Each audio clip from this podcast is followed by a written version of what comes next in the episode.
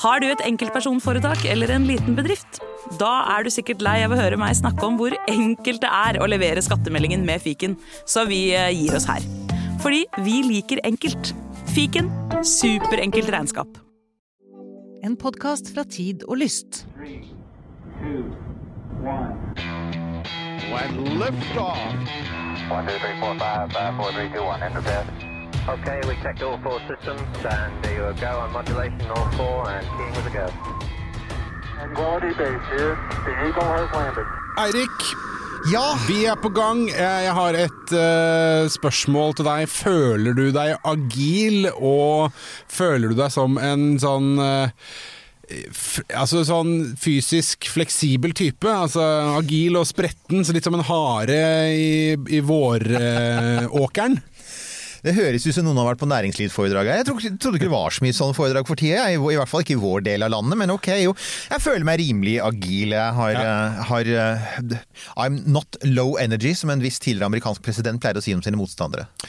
Ok, ja. Uh, la oss ikke gå nærmere inn på uh, Apropos, bare kjapt innpå det. Jeg så han kunne ikke de deg, vet du. Nei, det var fordi at jeg så han, og han har endra farge. Uh, La du merke til det? Nei. Jeg så han i tale i dette her grisete republikanske greiene hvor han snakka nå som nylig. dødskulten, ja. Ja. Hvor han, han har gått fra oransje til å bli mer sånn brun. Sånn, jeg vil kalle det foundation-brun. Men ja, vi er tilbake, og i dag skal vi ha litt, nok en litt sånn, sånn, litt sånn oppsummeringssending. Fordi det skjer mye i vår bransje. Vi får spørsmål, og vi er til og med blitt utfordret. Det kommer vi straks tilbake til. Det er litt nyheter vi må melde. Eh, På slutten kommer det en veldig viktig erklæring. Da skal vi si noe som er viktig for alle dere lyttere. Så, Alle som er agile og Alle som er agile, spretne ja. som harer. og alle dere som hører på oss, er agile, så sånn er det bare. Selvfølgelig. Vi føler oss, Jeg også tenker jo det at fleksibilitet og fart er det første jeg tenker på når jeg ser meg sjøl i speilet på morgenen. Eh, og grunnen til at jeg spurte om det, Eirik, Ja. eh, var jo eh, nettopp eh, evnen til å ta utfordringer. Ja. Eh, og om, om vi ikke har det når det kommer til sånne ting som parkour og, og løping, Ja. mm. så, så har vi den eh, når det kommer til eh, de intellektuelle kreftene. Ja, altså jeg tenker Du at vi. Når det gjelder sånn fysiske utskeielser, så var det beste som har vært gjort i denne podkasten av fysiske utskeielser, det var robotdansen til eh, Petter Bøckmann under vår livesending, og vi har lagt ut på vår Facebook-side lenke til akkurat det fabelaktige øyeblikket i romhistorien. Så langt og ikke lenger. Det er romhistorie.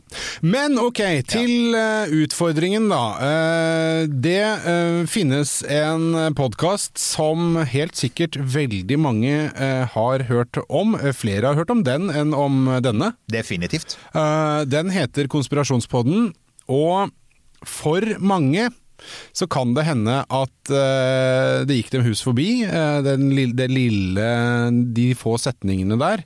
Men det var jo, det var jo hanske som ble dasket i ditt fjes, Eirik. Ja, det var det, og, og, og selv om det kanskje gikk mange hus forbi, det gikk altså faktisk ikke våre sånne sånn crossover-lyttere. Er det det et Venn-diagram når to sånne rundinger overlapper hverandre? Og det, og det finnes en sånn, en veldig stor runding som er konspirasjonspoddens lyttere, og så finnes det en ganske liten blobb som er oss, og så er det et overlapp der som er en enda mindre sånn Hei til dere!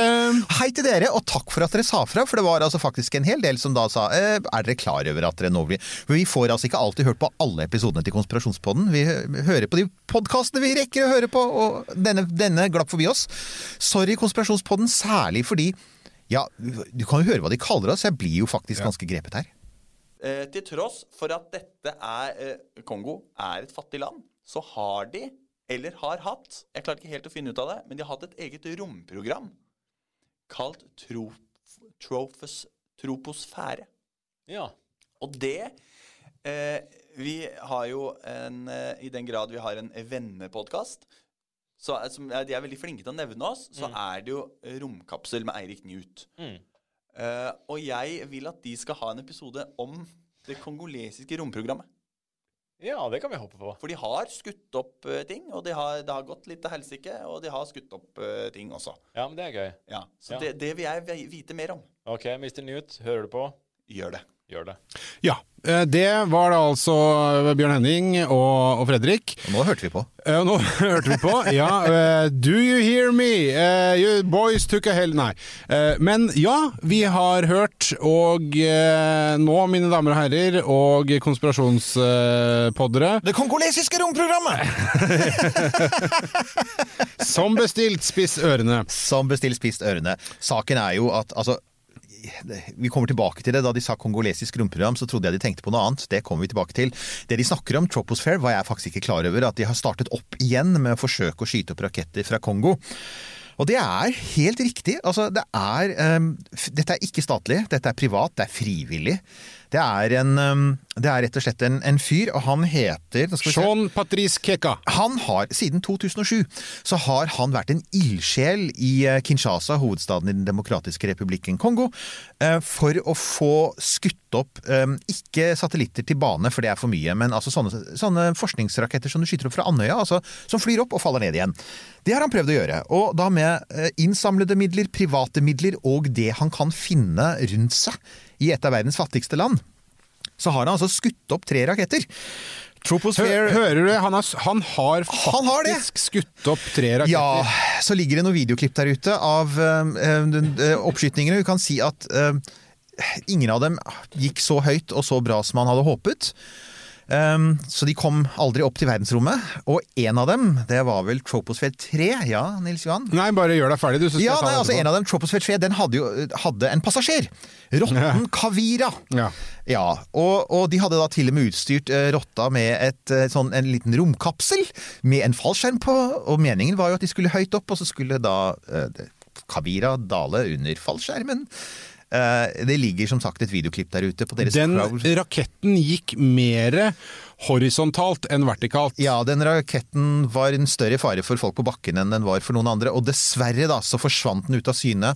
Og det ble aldri sett noen fallskjerm som ble felt ut, så det er For noen år siden så var det vel sånn Rip Harambe, var det ikke det? Ja, det var det. Ja, nå er det Rip Kavira her, da, for å si det sånn. Kan jeg få lov til å, Ja. å si en ting her nå, for det jeg syns er interessant. Uh, og hvis man da søker opp uh, og, ser disse videoene eh, Og vi legger ut som- som lenke vi har til dem, gjort, så så, så det skal vi gjøre. Ja. Så er det jo veldig fort gjort å liksom eh, peke og le, og le er lov, men altså å, å, å peke og tenke Afrika. Eh, men jeg har lyst til å sende en liten Nå kan ikke jeg fransk, men jeg har lyst til å sende ut en liten sånn shout-out til Jean Patrice Keka og, Ja. og folka hans eh, i eh, det kongolesiske privatfinansierte crowdfunda romprogrammet. Han er Kongos Elon Musk. Han står der og sier, etter at det har gått ordentlig til helvete, spesielt da for eh, rotta Kavira, Mm. så sier han at ja, men vet du hva? Romfart er preget av en hel masse failures. Og hva er det Elon Musk eh, sier? Altså fail often, fail hard. Ja. Uh, og, og det er jo Det er jo vår venn Keka. Ikke sant? Akkurat det samme. Nemlig. Og man sier ofte sånn 'space is hard'. Ja, det, det er vanskelig å få ting opp i rommet. Tenk hvor uendelig mye vanskelig det er i et av verdens fattigste, og for sikkerhets skyld også et av verdens mest krigsherjede land.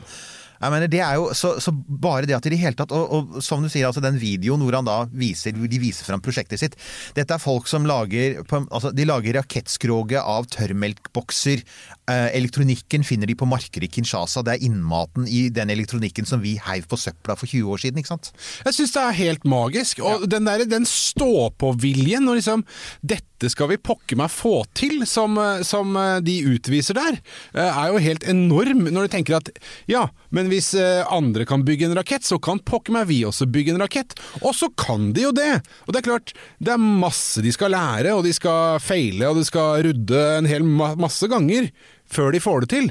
Men den, den evnen og, og viljen der til å øh, sette seg en øh, drøm, og, og så faktisk gjennomføre, da. Og det, ja, det ser primitivt ut, og det er primitivt, men det, alt var det en gang. Alt var det en gang, og, og, og saken er at de nådde faktisk crowdfunding-målet sitt på 50 000 dollar. Eh, Planen var å sende opp eh, Troposphere 6 i 2019 eller 2020. Det er blitt utsatt, og det er mange gode grunner til at ting er blitt utsatt til 2020, som vi veit.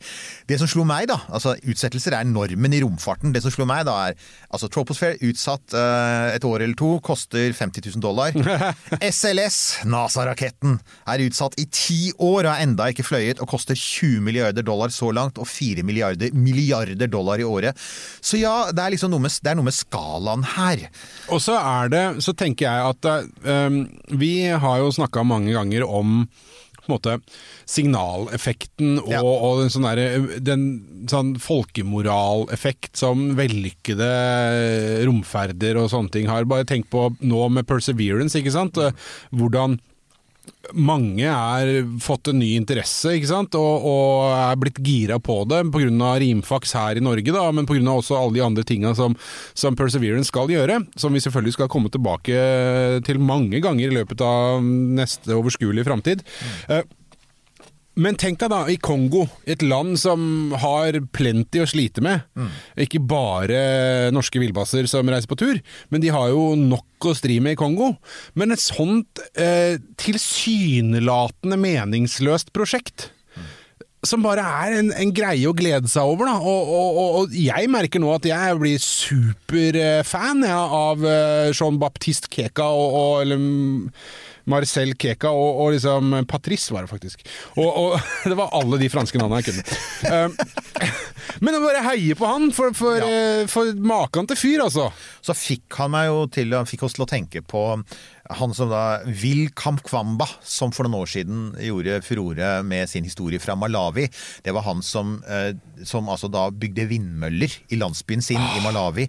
Eh, og det ble til en bok og en film, 'The Boy Who Harnessed the Wind'. Ja, strålende. Det er strålende, og det er samme type historie. og Det det handler om er at, at verdens fattigste land er selvfølgelig ikke fattige på smarte folk, men de, fatt, altså de smarte folka de har like mange smarte folk som i, i vår del av verden, men de har jo nesten ingen muligheter. Så, det, så, så du må liksom sånn I tillegg til at du skal være flink, og du skal være drevet, og du skal ha en interesse for, ja, rom, for energi og, og realfag, så må du altså Du må hoppe over en del hindre som er sånn helt ufattelige å begripe for oss, som noe så enkelt som at ja, jeg trenger et lite kretskort for å styre denne raketten, ja, og da kan vi når som helst gå hvor som helst og kjøpe det, mens de da må gå på markedet og rote i en svær haug med gammel radioinnmat for å se om de finner akkurat liksom de motstandene og relé, relé, reléene og diodene som de trenger. og det, Den biten der, den, den er vanskelig for oss å fatte. Så ja, øh, vår, vent, vår, vår nye helt.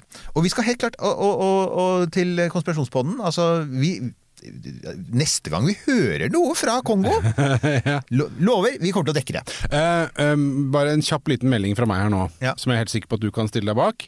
Uh, if you're listening, Mr. Elon Musk, uh, we would like if you could sort of sponsor the, the Congolese space program, and particularly Jean-Patrice Keka, and that you could possibly, when the corona is over, invite him to like an internship at SpaceX. Uh, he has uh, much to learn, and that would be great. Thank you. I support that wholeheartedly. Yes. Men her er jo saken, da. Når jeg snakket om Kongo romprogram, så tenkte jeg på noe helt annet. Og det er fordi jeg husker faktisk fra min egen oppvekst på 70-tallet at man skrev om Kongo og verdensrommet. Til, selv til og med norske aviser skrev om det. Og det var en grunn, og det var at det var et prosjekt nede i Kongo som het OTRAG, er forkortelsen, og det er Orbital Transport und Raketen AG. Og da skjønner man allerede at ok, dette er noe helt annet enn en trivelig entusiast som forsøker å bygge ting av eh, Kan du Du gjetter aldri hvilket land og hvilke personer som er involvert. Ja, det skjedde noe der med Ondt Raketen AG. Ja. Eh, det var sånn derre det, var- det var noe der. Det var noe men, der. Er, men seriøst, eh, Eirik. Eh, jeg har med vilje nå ikke lest notatene videre her nå, for at jeg vil at jeg skal Ja, ja, bli, jeg skal bli holdt på å si, eh, voldsomt underoverrasket, på en måte. Ikke overrasket. Men er det, er det en gammel nazist? Det er faktisk fa Han er her òg. Altså, en av de tingene vi oppdager gjennom eh, denne podkastserien vår, er jo at Han har en finger i hver eneste Nei, men seriøst, er det, er, det, er- Werner? Wer- Werner er også involvert her. Han er det. Som- Kutt ut, da. Jo, nå skal du høre.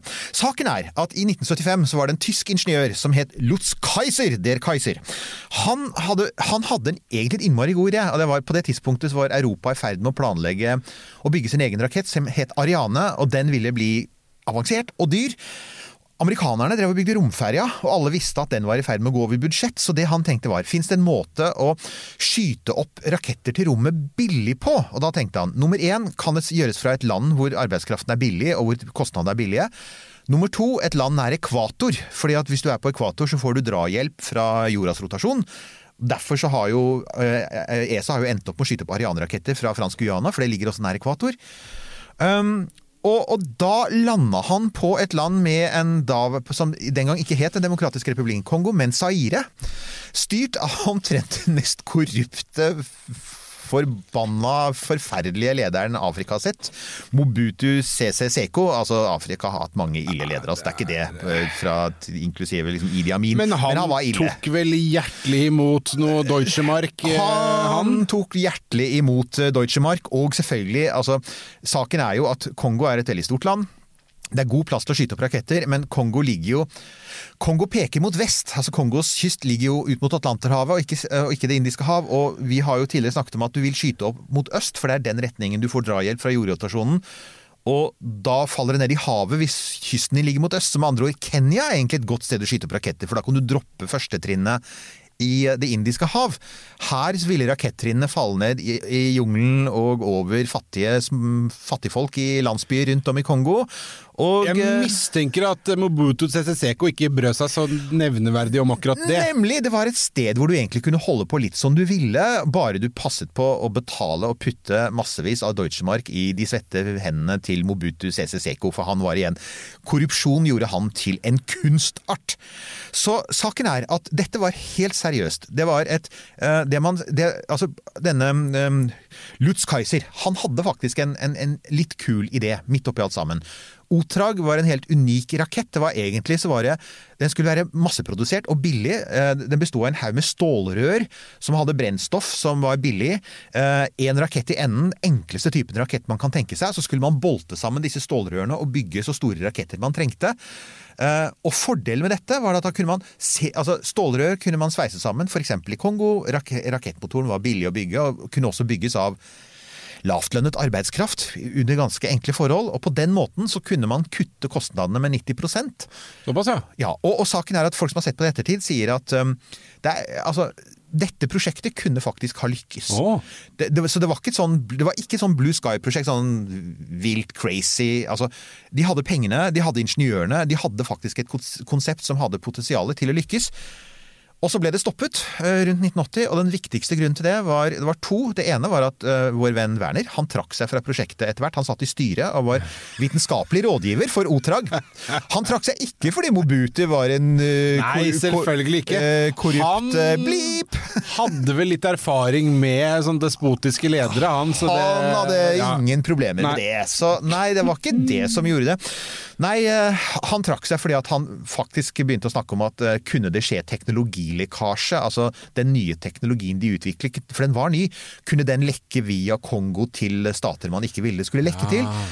Og så kommer da franskmennene og russerne inn i bildet. Og og franskmennene og russerne hadde historiske grunner til å si at de likte ikke å se tyskere bygge sin egen rakett.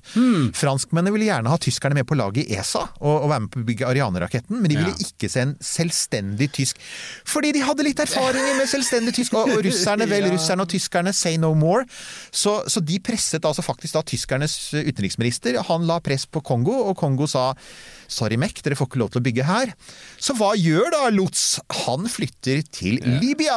Og på det tidspunktet var det mulig å finne en verre leder i Afrika enn eh, Mobutu Sese Seko. Og så er det igjen kanskje Idi Amin og kanskje Muammar Gaddafi. Ja, herregud. Og Gaddafi var glad for å få raketter, så det ble faktisk det tviler jeg ikke på. Han ville gjerne skyte opp raketter i ørkenen, og hvis det falt ned noen første trinn, så falt jo de ned på Israel, så he didn't care.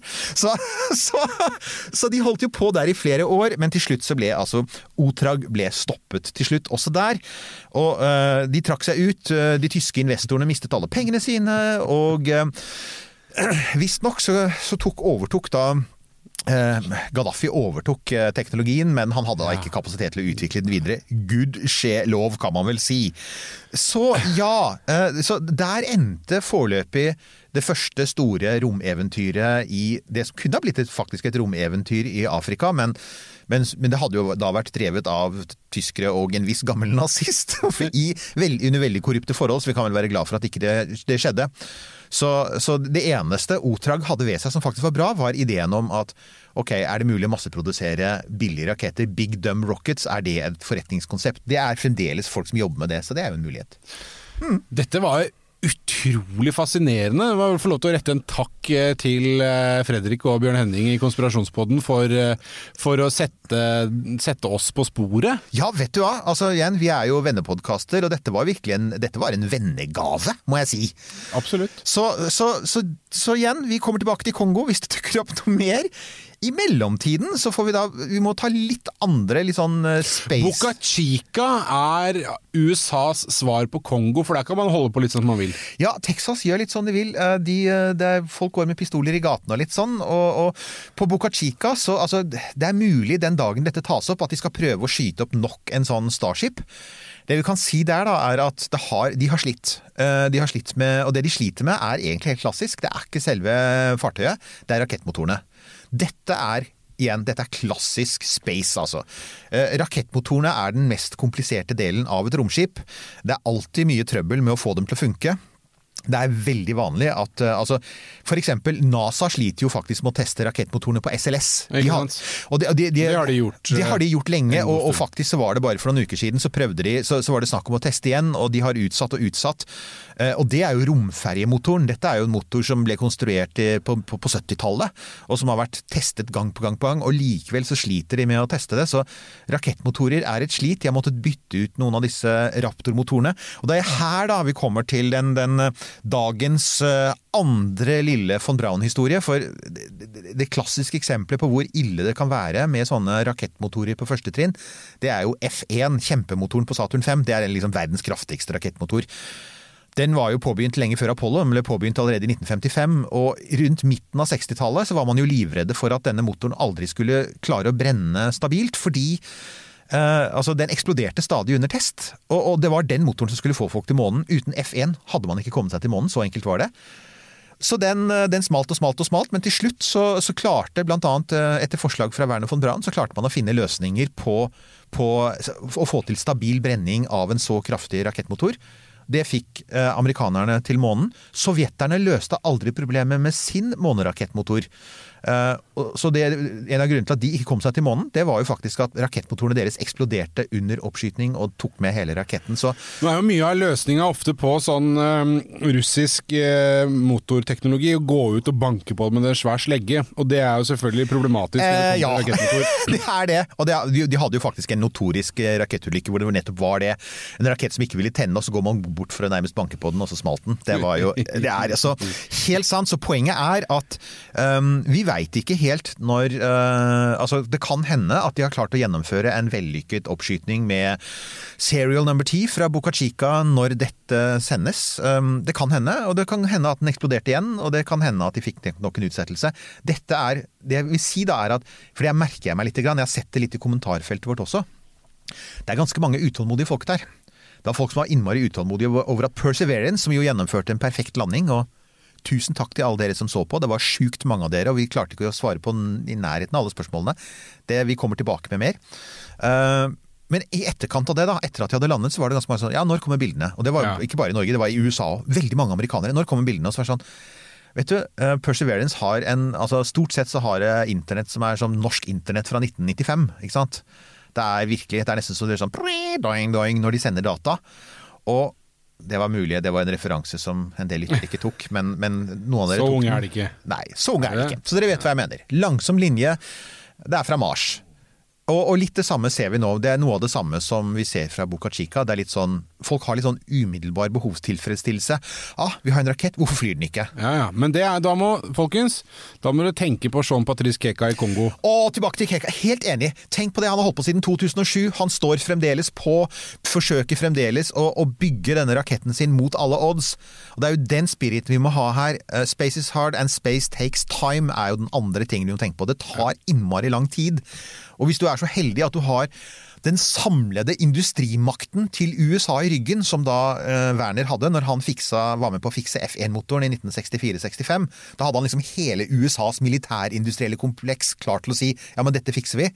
Og all verdens forskningslaboratorier. Eller Elon Musk, som har et ukjent antall milliarder fra investorer i ryggen, pluss et team av noen av verdens smarteste rakettingeniører med haugevis av penger, så er, er selv de sliter. Selv de sliter med å få det til. Og i det perspektivet så har jeg da lyst til å stille enda et spørsmål.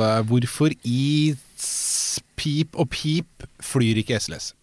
Takk for meg. Ja, ikke sant? Eh, Og det, det er det veldig mange som sier nå. Og, og det er interessant, da, for at nå har de fått, nå har de fått et lite, lite, lite press på seg. For at kineserne, vi har jo snakket om dem for ikke så lenge siden, kineserne har et veldig ambisiøst romprogram nå, det veit vi jo. De har, en, de har Tiananwen 1, denne roveren som skal til Mars. altså Den er i bane rundt Mars og, og leter nå etter et passende landingssted.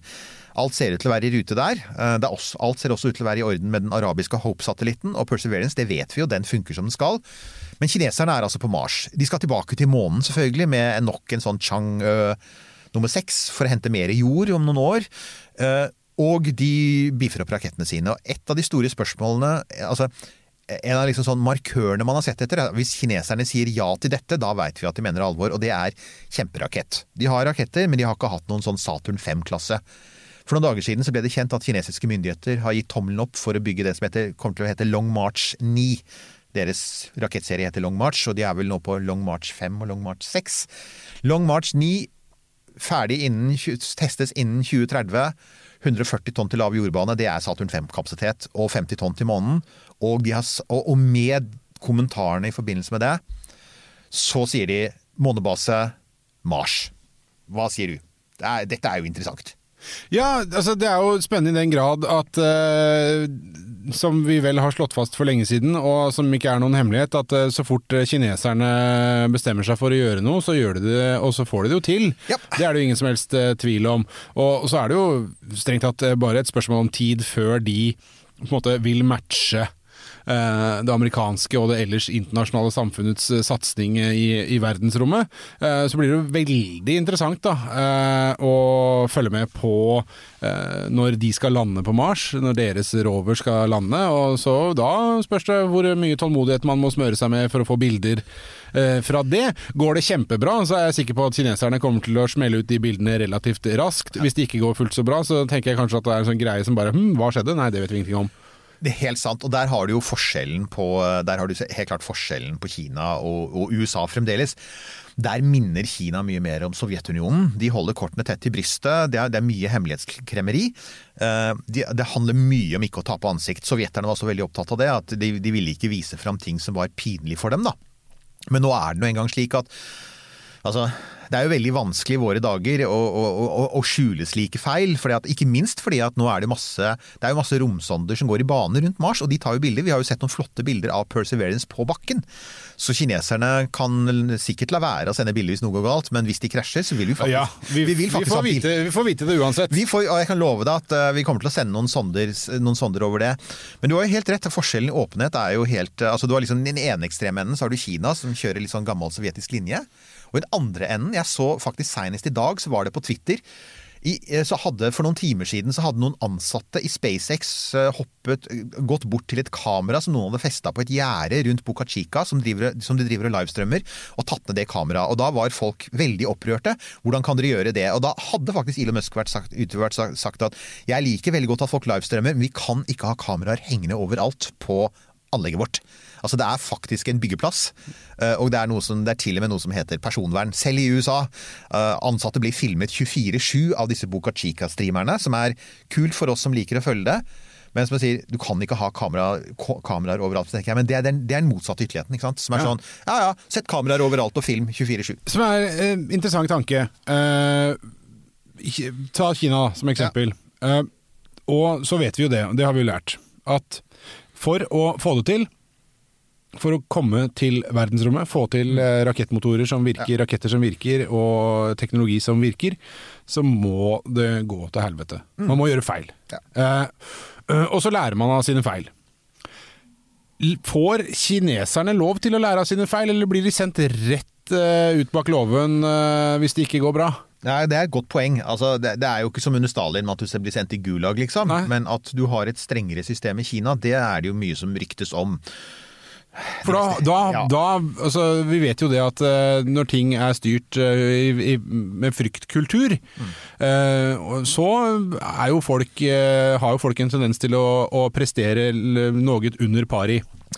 Og hvis du da ja. hele tida er redd for at både du og hele familien din skal få ei kule fordi raketten du har drevet og bygd på krasjer, Mm. tenker jeg da, da sliter hjernen litt, da. Det er det som har vært, det har jo vært Kinas dilemma hele tiden. Altså På noen områder så slipper jo kineserne opp teknologisk. Det er åpenbart f.eks. på sånn mobilteknologi. Altså elbiler. På sånne områder så er det helt tydelig at, at du har private selskaper som får holde på ganske mye som de vil. Det blir litt annerledes med Da skal du ut på det internasjonale markedet og selge Ja. ditt, vet du. Her skal du ikke det. Nei, her skal du ikke det. Og, og, og Kinas romprogram, som det amerikanske og det russiske, er veldig tett knyttet opp mot det militære. Kina nok enda mer enn altså Kina, altså Kina har ikke en så tydelig sivil del som USA har med NASA. da. Så Derfor så vil du alltid ha den biten også, med at det er litt hemmelighetskremmeri. Finnes ikke en sivil del i Kina, gjør det det? det er ikke egentlig, ikke sant, når det gjelder den statlige høyteknologidelen. og og de skal jo, altså, vi må jo også nevne at Kineserne er også i ferd med å sende opp eh, første del av sin nye romstasjon. For kineserne får jo ikke lov til å være på ISS pga. Amerika en amerikansk lov som sier at eh, kineserne får ikke lov til å være i kontakt med amerikansk høyteknologi, romteknologi. Så de får ikke besøke den internasjonale romstasjonen, så de bygger nå sin egen. Så det gjør de også, i tillegg til å planlegge Long March eh, 9. Og så er det noen som da også har påpekt at altså, NASA bygger jo da SLS-raketten, og det er riktig. Og den skal, den skal jo etter planen sende eh, et tomt romfartøy, Orion-romfartøy, rundt månen i begynnelsen av neste år. Og da gjør de det, så er selvfølgelig det spennende og alt, og vi skal nok følge det. Men det de også peker da, er at eh, altså, SLS kan ikke sende 50 tonn til månen. SLS er faktisk ikke Saturn 5 i sin nåværende konfigurasjon. Den mangler, den mangler et øvre trinn. Det heter The Exploration Stage. Det trinnet er ikke bygd, det er ikke engang bevilget penger til. Og det enkelte påpeker nå, er at hvis, hvis vi står, altså når vi nærmer oss slutten av dette tiåret, og hvis, hvis de ikke lykkes i Boca Chica med å bygge Starship, som, har, som er en Saturn 5-klasserakett, ja da risikerer vi faktisk at USA står uten en Saturn 5-klasserakett, og Kina har en, med andre ord, det omvendte av det du hadde i 1968-69 med sovjeterne. Så, så det, er, altså, er storpolitikk dette her, altså man skal ikke kimse av det. Nei, altså det er jo det som det, det, det er jo det som driver det fram. Det er jo sånn her, det er en pissekonkurranse hvis du koker det helt ned, da. Ja, Så er det jo det.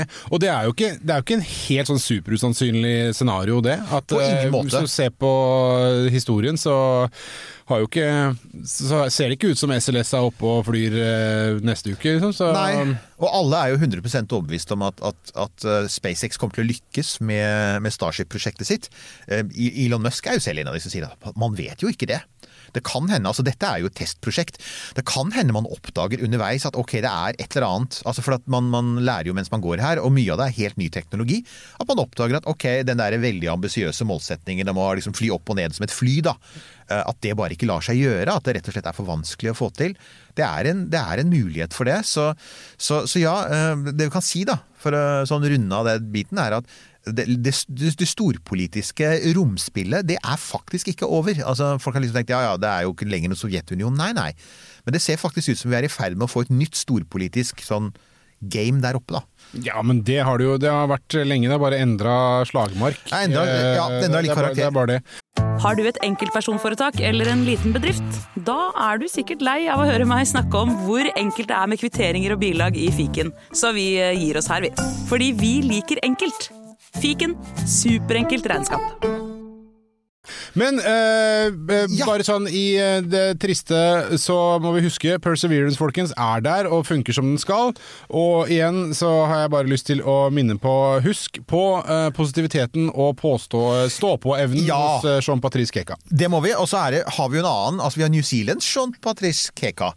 Peter Beck, han med Rocket Labs. ja. Han som pleide å bygge seilbåter av karbonfiber og istedenfor begynte å bygge raketter av karbonfiber. Han hadde jo lovet å spise hatten sin. Det er flere som driver og snakker om dette med å spise hatter. Jeg skjønner ikke Hatter og pannebånd spises over en lav sko. Ja, og han har nylig vært ute med en video hvor han har spist litt hatt. fordi at han hadde lovet at det var en ting de ikke skulle gjøre, da, og det var vel faktisk å ikke skyte opp De skulle holde seg til småsatellitter. Eh, Nå har de da tydeligvis ombestemt seg. De skal, de skal nå rett og slett bygge en ny rakett. som Den nåværende raketten heter eh, Elektron. Elektron. Eh, Den nye skal hete Neutron, eller Nøytron. Og nøytronet er mye større enn elektronet i, i partikkelfysikken. Med andre ord, dette er en mye større rakett. En rakett som skal kunne frakte åtte tonn opp til lav jordbane, der Elektron kan frakte 250 kilo. Uh, og det vil si at den, den er ikke direkte uh, sammenlignbar med, med Falcon 9, som er liksom det viktigste her uh, på markedet, som kan løfte sånn rundt 20 tonn. Men det er i samme klassen, liksom. Du kan løfte ordentlige satellitter opp, og ikke minst, den er gjenbrukbar. Så med andre ord, den første som var, en av de første som var ute og gratulerte, var jo Elon Musk. Han, han flirte og sa han, jeg syns det var noe veldig kjent med designet. Designet ligner veldig på Falcon 9, men det er fordi at det er slik du må gjøre det hvis du vil lande vertikalt. Ja. Med liksom fire bein og noen sånne finner og litt greier. Og så sa han, med men riktig beslutning og lykke til, det er da liksom kjør konkurranse. Så de sier at i 2024 så skal de eh, begynne å gå i rute med, med en ny rakett, som jo selvfølgelig er da får vi flere da, da får faktisk SpaceX for første gang kommersiell konkurranse av gjenbrukbare raketter, og det kan jo bli spennende i rommarkedet. Ja, vi vet jo at, eh, vi vet jo at eh, i markedsøkonomien så er det, man er jo avhengig av konkurranse. Ja, og det kommer til å gå på prisene. For akkurat nå så er det sånn at folk sier ja, hvorfor er ikke rakettoppskyting til SpaceX enda billigere? De behøver ikke å senke prisene, for de er allerede billigst. Så, så der de er nå, så konkurrerer de med seg selv, de. Ikke sant? Så Ja. hvis, hvis SpaceX skal senke prisene enda mer, så taper de bare penger. Så de har ikke noe incitament til å gjøre det. Så det er jo en god ting. For alle som er hypp på å ha et eller annet oppe i verdensrommet. Ja.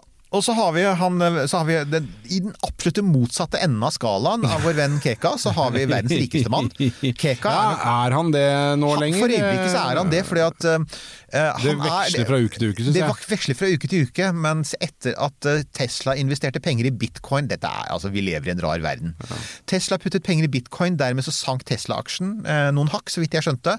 Og det gjorde at Elon ikke lenger var verdens rikeste mann, og da er det han andre. Ja. Han, eh, han som ser ut litt som uh, Mr. Evil, uh, og som mange mener er ja, det. og som eh, Hva var det han nå hadde han trukket seg som leder for Ja. Amazon? Så nå skal han bare jobbe med romfart og Jeff? Bezos har trukket seg, som du sier, som leder for Amazon. Bare romfart og skilsmisser skal han drive. Romfart og skilsmisser og, eh, og diverse andre antagelig litt snodige ting. Men ja, eh, alle forventer at han skal ta tak i det som skjer i hans romselskap Blue Origin. Fordi de har havna i et uføre. De skulle jo ha skutt opp passasjerer til, eh, på sånne passa korte passasjerturer for lenge siden. Det har ennå ikke skjedd.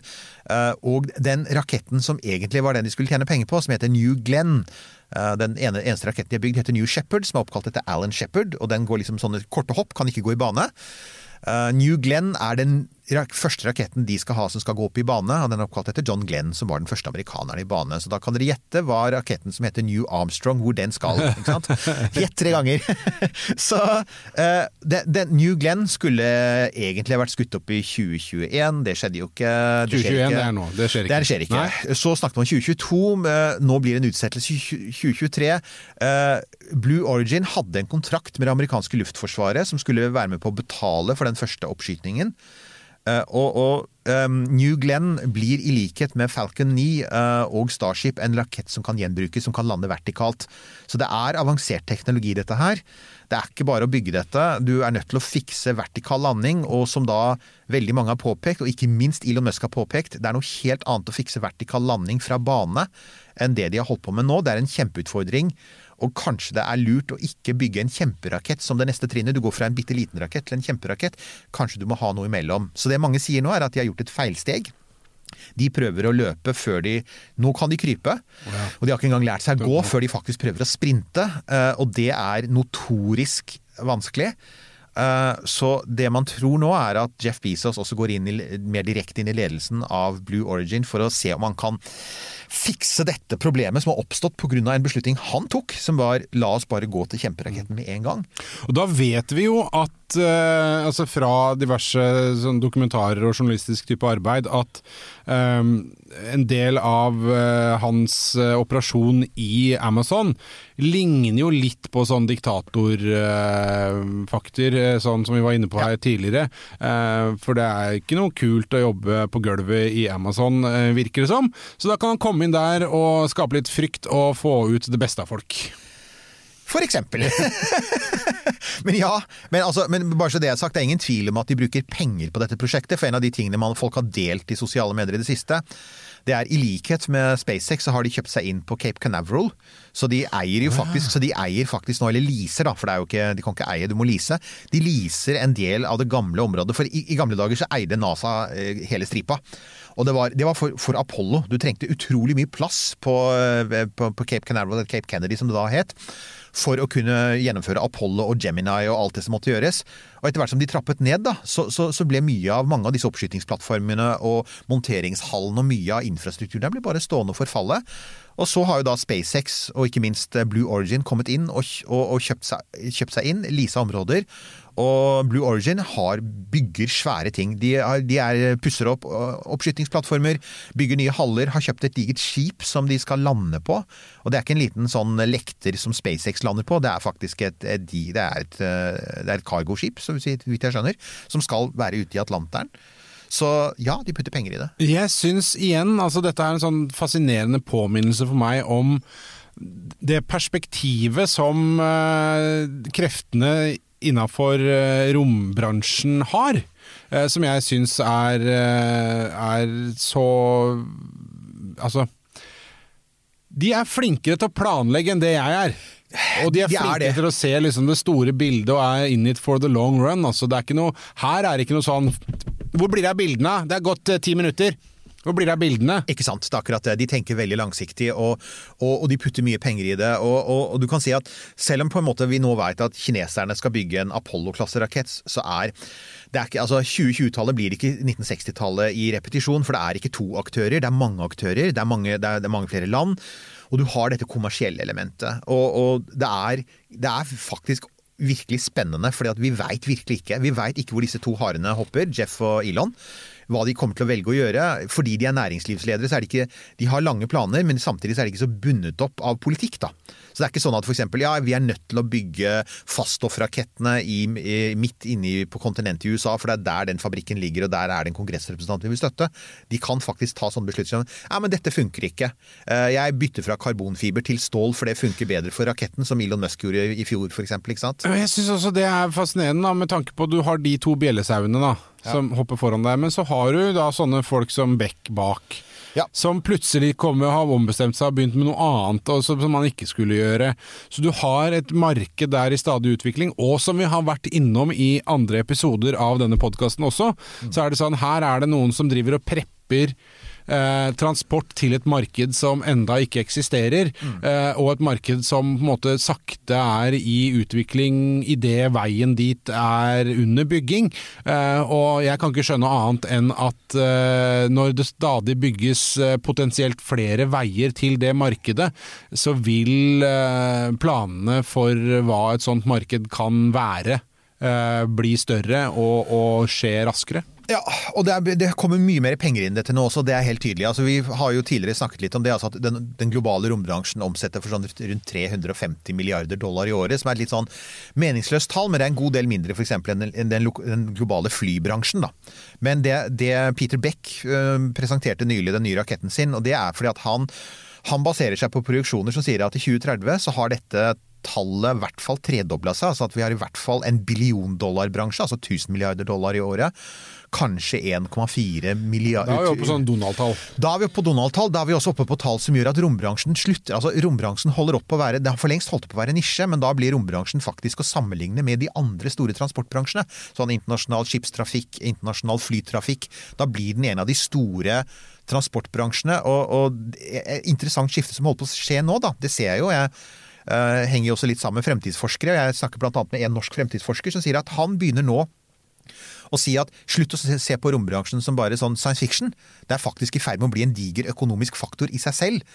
Og hvordan vet vi det? Jo, det ser vi blant annet fordi at våre lyttere begynner nå å fortelle at de driver jo og bestiller Har du sett at de bestiller Starlink-abonnementer? Ja, jeg har sett Du, det. det må vi Det er gøy. Da slipper du å flytte til Lista, eller hvor det var du måtte melde flytting for å, for å nå, kan du, nå kan du avlyse den der boligjakten der nede. Ja, nei, altså jeg syns jo dette er litt fascinerende. fordi at altså, Starlink, Vi har jo snakket om det en del ganger før.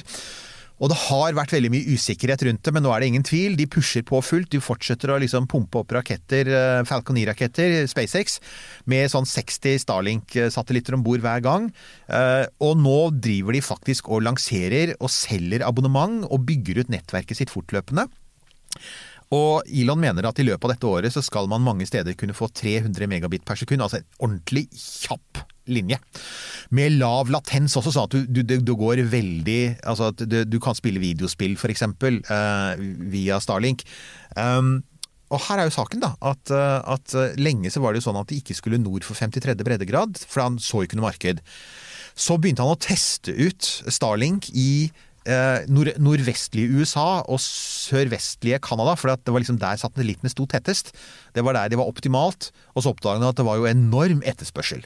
Altså Folk på landsbygda i USA og Canada har ofte eh, rått dårlig bredbånd. Mye dårligere enn vi kan fatte i Norge, faktisk. Altså, det er, det er det, et ordentlig problem. Ja. Så han oppdaget at det var kjempestor etterspørsel, og folk var villige til å betale omtrent hva som helst for å få Så, så han har jo da forandret planene sine og innser nå at nordområder, tynt befolkede nordområder, også er et marked. Har sendt opp de første Starlink-satellittene som faktisk kan ses fra Norge, i polar bane. Og har åpnet for å ta imot bestillinger på Starlink-abonnement i Norge. Og det hvor de lytterne våre hadde fått i tilbakemelding, var noe med at i løpet av 2022, tror jeg de sier at vi, altså, Så foreløpig kan man bare registrere seg og betale jeg tror det er 99 dollar. Da har du liksom lagt inn en bestilling. Det er litt som Tesla, er det ikke det? Tror at du, du, Når du forhåndsbestiller en Tesla, så legger du ned depositum, og så stiller du deg i kø. Okay, ja. Det er noe av det samme. Altså, det, fordelen for SpaceX er selvfølgelig at de har nå antagelig tusener, antagelig hundretusenvis av folk som har lagt inn 99 dollar i depositum. Så, så Starling, Ja, ja. Starlink tjener allerede penger. Altså Denne fyren er ganske flink til å Han er flink til å tjene penger! Det, det, det, skal han ha. Selger potensialet der. Han er selger potensialet, så det har også vært så, det så Fortsett å si fra, folkens. Det er veldig morsomt at dere gjør det. Å, kan jeg bare Ja, ja. Det er eh, bare det å selge potensialet. Jeg syns jeg så en dokumentar om eh, Star Wars-lekene. Mm. Altså, eh, he- altså alle disse her actionfigurene i plast og alle romskipa og sånne ting. Da de ble produsert uh, for første gang, så uh, Og var, det det er jo sånn George Lucas har tjent alle penga sine, liksom, mm. på det. Uh, og da gjorde de det. Da solgte de potensialet fordi de innså at vi klarer ikke å produsere og gjøre disse figurene klare til jul. Eh, eh, 77. Eh, Så det de solgte da til jul, eh, til desperate foreldre som eh, ville gi unga sine Star Wars-figurer, var å selge en sånn eh, plakat. eh, Eller en sånn en liten sånn eh, stand, en liten sånn hylle, som eh, Her kommer! Herregud. Så da du, du, De solgte Så da var det mange som fikk til jul eh, muligheten til å få siden. Det, Her- det var utrolig, første gang det, noe sånt hadde blitt gjort. Ja, og jeg tror, det, altså det vært, jeg tror ikke det hadde vært mulig å gjøre i, altså for vanlige kunder i 2021. Men altså her kommer dagens uh, gubbeprat nummer X, som er altså Dette var 70-tallet. Ja.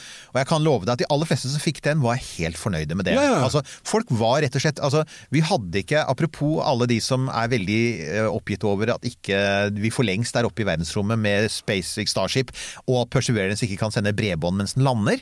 Eh, det, altså, det er noen begrensninger i systemer, og i gamle dager så var man mer, rett og slett mer vant til å håndtere det. Vi var vant til at du fikk ikke alt når du trengte det med en gang. altså Alt var ikke på bestilling. Så ja, Og det var dyrt å ringe utafor byen du bodde i eh, før Ja. klokka fem. Så, så det, og dette er da som en sånn liten link tilbake til. Ja, vi selger potensialet. Ja. eh, og, og, og det den godeste Musk sier, er jo Han sier at vi har faktisk også Vi har jo lyttere i Oslo uh, som har bestilt. Vi har faktisk en noen hundre meter fra der vi sitter. Og jeg har jo sagt at hvis han får Starlink, så skal han selvfølgelig få lov å komme i studio. Altså, Mm. Det, han må Ja, fortelle ja, åssen dette er. ja. Hvordan opplever du Starlink? Men saken er at det er ikke egentlig beregnet for storbyområder. fordi at altså, kapasiteten avhenger av hvor mange satellitter du har over horisonten. Og hvis liksom 700 000 Oslo-borgere plutselig skal bruke de 20 satellittene som er der oppe, så går det tregt. Ja. Det er, Musk har vært krystallklar på dette er faktisk for distriktene, så ja. Ja, men jeg tenker, altså, distriktene, Norge er plenty av de har plenty Ja. av distrikter. Tenk deg da alle de som står fram i lokalavisa nå og klager på Telenor at de ikke har verken eh, kobberlinje lenger og ei heller mobildekning. Eh, drit i Telenor, vær så god, Starling. Eland kommer og redder dere, folkens. Mm. Det er mulig dere ikke liker elbilen hans, men dere kommer til å elske bredbåndet hans. Det er jeg helt sikker på. For at det er ingen tvil. Slik Starlink-modellen er bygd opp, så vil folk som i dag har ustabilt og dårlig bredbånd, vil da For det første så vil de jo få bra bredbånd, men det andre er at de vil jo selvfølgelig få IP-telefoni. Altså, det du ikke vil få, for det er det jo enkelte som lurer på, frekvensene, noen av frekvensene som brukes i, um, i Starlink, de er faktisk ganske nær 5G-frekvensene. Og da har folk begynt å si ja, kan vi få håndsett? Og da er det liksom to ting som man sier. Det ene er vi er langt Vi er absolutt ikke der at vi har signalstyrke nok til å levere at du kan ha håndsett på bakken, så du vil fremdeles trenge en antenne. Eh, Og det andre er at inntil videre så, så er det faktisk slik at ikke du kan ta antenna med deg. Altså det kommer mobilitet etter hvert, men der du er nå så er de faktisk avhengig av at du, du bestiller, og så bestiller du til en adresse. Du kan bytte den adressen, men du kan f.eks. ikke plassere en Starlink-antenne på lasteplanet på, i pickupen din og kjøre rundt. eh, I, I henhold til kontrakten ennå. Ok. Men, men det er jo Så du får ikke mobil med Starlink-abonnement? Du gjør ikke det. Nei. Men du, apropos eh, å selge potensialet. Mhm. Vi må ta, eh, ta opp uh, paukene og på en måte Ja. den dagens siste. Snakk om potensialet. Potensial. For alle som liker gym og er gode i matte. Ja, og, og, og faktisk ikke bare det til og med, har vi nå skjønt. men ja, folkens, dere har, vi har vel allerede lagt ut noe på Facebook-siden vår, men nå kommer vi, vi kommer til å komme tilbake til dette opptil flere ganger.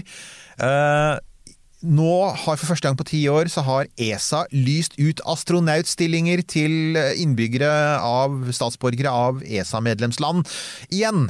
Eh, Og det inkluderer også da faktisk nordmenn. Så nå er det mulig fra Jeg tror eh, søknadsportalen åpner jeg tror det er 31. mars. Ja. Eh, Og da er den åpen til 31. mai, og da eh, og da kan man søke. Og, og selvfølgelig, som du sier, du skal jo helst I gamle dager skulle du helst være god i matte og god i gym, men ESA har faktisk forandret litt på kravene nå, for nå har de jo litt erfaring. De har sendt ganske mange folk opp til den internasjonale romstasjonen. Og dette har vi tenkt å gjøre noe med, Nils Johan. Ja, skal du søke? Var det det du tenkte? Ja, nei. Jeg tror jeg faller litt utenfor kriteriene Nei, av opptil flere Ja, grunner. jeg sjæl. Ja, Men samme. det vi skal gjøre, er at uh, vår uh, venninne fra Norsk uh, Romsenter, Ja. Marianne Vinje Tantillo, skal komme hit. Ja. Eh, og vi skal ha en livestream, livesending, ja. sånn at eh, alle som sitter her nå da mellom fysikkbøkene og manualene sine på tredemølla og gjør seg klar for å sende inn en søknad og oppfylle en rekke krav, eh, kan stille spørsmål. Ja. uh, Så da, nemlig, og da, da kan dere rett og slett bare eh, komme på. Vi kommer til å streame sannsynligvis simultant til Facebook og til uh, YouTube. Eh, vi, har, eh, vi, har, vi, har gjort enkelte grep siden forrige sending. Vi var utrolig happy med at så mange stilte opp og var med, stilte spørsmål. Vi kan si at det gjenstår Det, det som gjenstår å gjøre litt med, var liksom litt sånn kontroll på, på lyd og bilde, og ikke minst eh, hvordan vi svarer på spørsmål. Vi har beefa opp eh, softwaren vår og kommer til å være bedre rusta når denne livestreamen kommer, og den kommer da i, eh, i, i løpet av mars måned. Vi må, vi må selvfølgelig avtale med når vår veldig travle gjest har tid. I god tid før søknadsfristen går ut, i hvert fall. Så, sånn- så skal vi helt klart gjøre det, og da kommer vi til å sitte her og antagelig også, som sist, eh, antagelig spise litt pizza. Og, for det, vi har god tid. ja.